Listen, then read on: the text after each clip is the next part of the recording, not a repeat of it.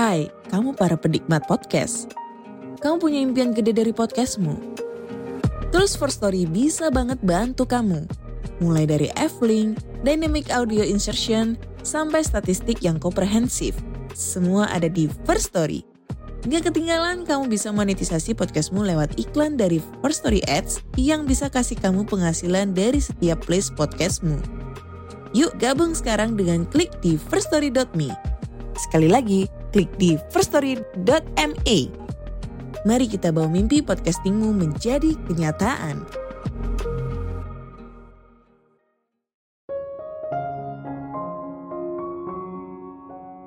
Membuat catatan mungkin terlihat sederhana, tapi teknik ini bisa membantu kamu jadi produktif dan menghubungkan sesuatu yang tidak pernah terpikirkan sebelumnya. Halo semuanya, nama saya Michael. Selamat datang di channel saya, Sikutu Buku. Kali ini saya akan membahas buku How to Take Smart Notes karya Zonke Arens. Buku ini membahas bagaimana cara membuat catatan yang cerdas. Ini merupakan teknik sederhana yang bisa membantu kamu dalam menulis, belajar, dan berpikir.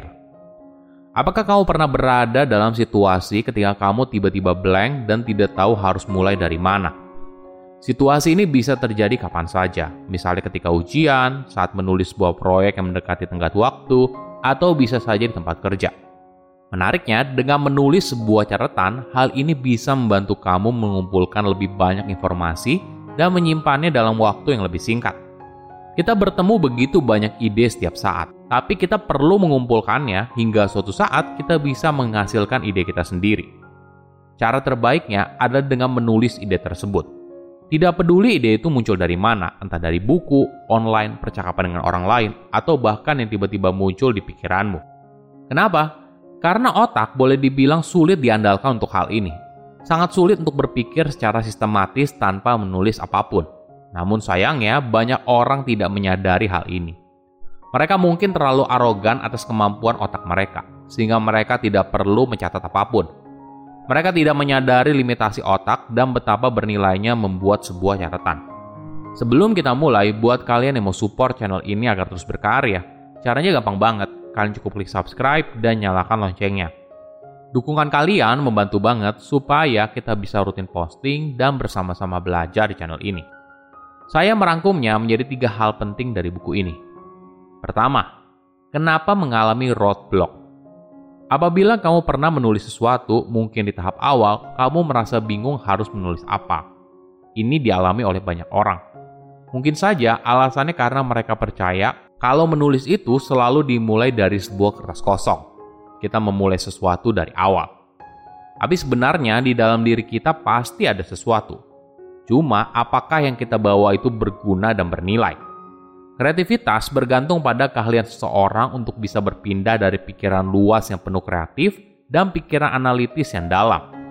Jika kita tidak bisa fleksibel dari satu sisi ke sisi lainnya, maka entah kita tidak akan pernah punya ide yang menarik atau tidak pernah benar-benar menghasilkan sesuatu yang bernilai.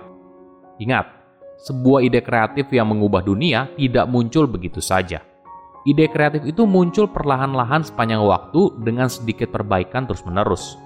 Begitu seterusnya menuju arah yang tepat, dengan momentum yang pas dan struktur yang tepat untuk mendukungnya. Nah, gimana cara bisa menghasilkan sebuah ide yang keren dan bernilai? Mungkin salah satu tipsnya adalah membiarkan dirimu untuk bergumul dengan sesuatu yang benar-benar menarik buat kamu. Tidak peduli apa pun itu.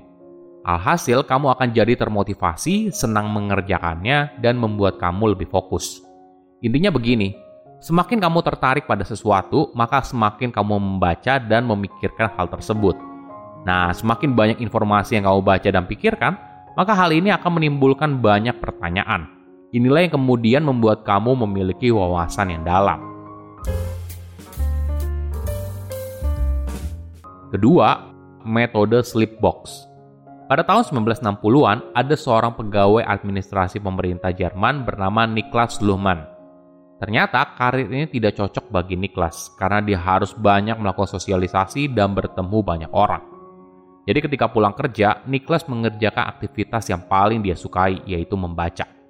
Ketika menemukan sesuatu yang keren atau terpikir sesuatu dari informasi yang dibaca, Niklas langsung membuat catatan.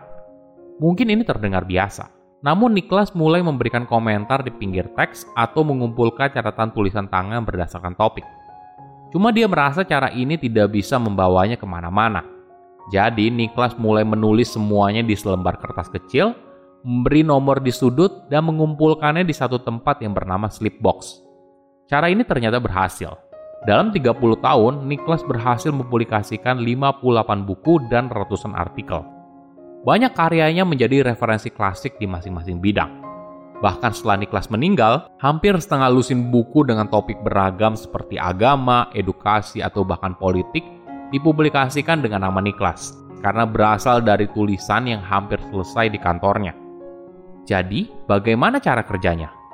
Niklas punya dua slipbox, box bibliografi di mana berisi catatan referensi dan rangkuman singkat isi dari sebuah literatur, dan box utama di mana Niklas mengumpulkan dan menciptakan idenya sendiri berdasarkan apa yang dibaca. Catatan itu lalu ditulis dalam sebuah kartu kecil dan disimpan ke dalam kotak kayu. Setiap kali dirinya membaca sesuatu, Niklas selalu menuliskan informasi tersebut berisi catatan referensi di satu sisi, dan sisi lainnya berisi rangkuman singkat dari konten itu. Lalu kartu ini dimasukkan ke dalam box bibliografi. Di tahap kedua, Niklas lalu melihat catatan singkatnya dan mulai berpikir soal hubungan antara apa yang ditulis dan pemikirannya. Kemudian dia menuliskan idenya sendiri, komentar dan pemikirannya ke dalam secari kertas, lalu memasukkannya ke dalam box utama. Setiap kali Niklas membuat catatan baru, maka dia juga mengecek catatan yang sudah ada di box utamanya untuk mencari catatan lain yang relevan sehingga dia bisa menghubungkan kedua hal tersebut.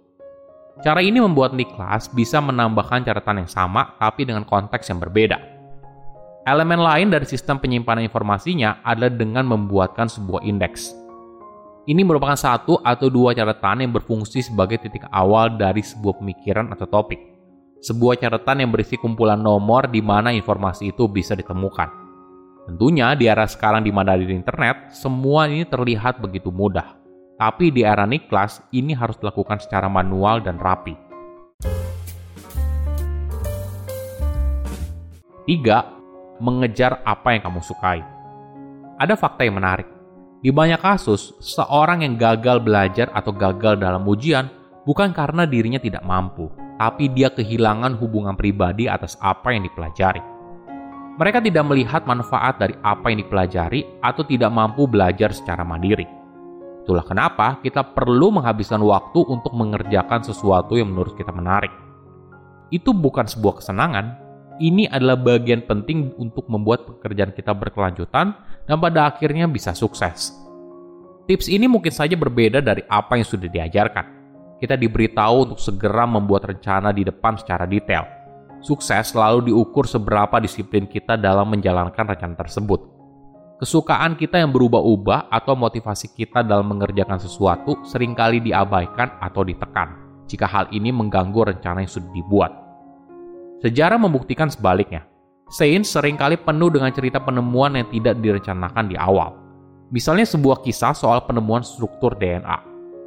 Penelitian ini dimulai dengan dana hibah, tapi bukan dana hibah untuk meneliti soal DNA. Para peneliti dianugerahkan dana untuk mencari perawatan untuk kanker Sepanjang perjalanannya, mereka juga mengikuti intuisi dan apa yang mereka sukai, hingga akhirnya mereka berhasil menemukan struktur DNA. Niklas bercerita, dia tidak pernah memaksa dirinya untuk mengerjakan sesuatu dan hanya mengerjakan apa yang menurutnya mudah. Ketika dia menemukan jalan buntu, dia akan meninggalkannya dan mengerjakan hal lain. Kita perlu belajar untuk bisa membuat perubahan kecil untuk terus membuat motivasi, minat, dan pekerjaan kita berjalan selaras. Silahkan komen di kolom komentar pelajaran apa yang kalian dapat ketika baca buku ini. Selain itu, komen juga mau buku apa lagi yang saya review di video berikutnya. Saya undur diri, jangan lupa subscribe channel YouTube Sikutu Buku. Bye-bye.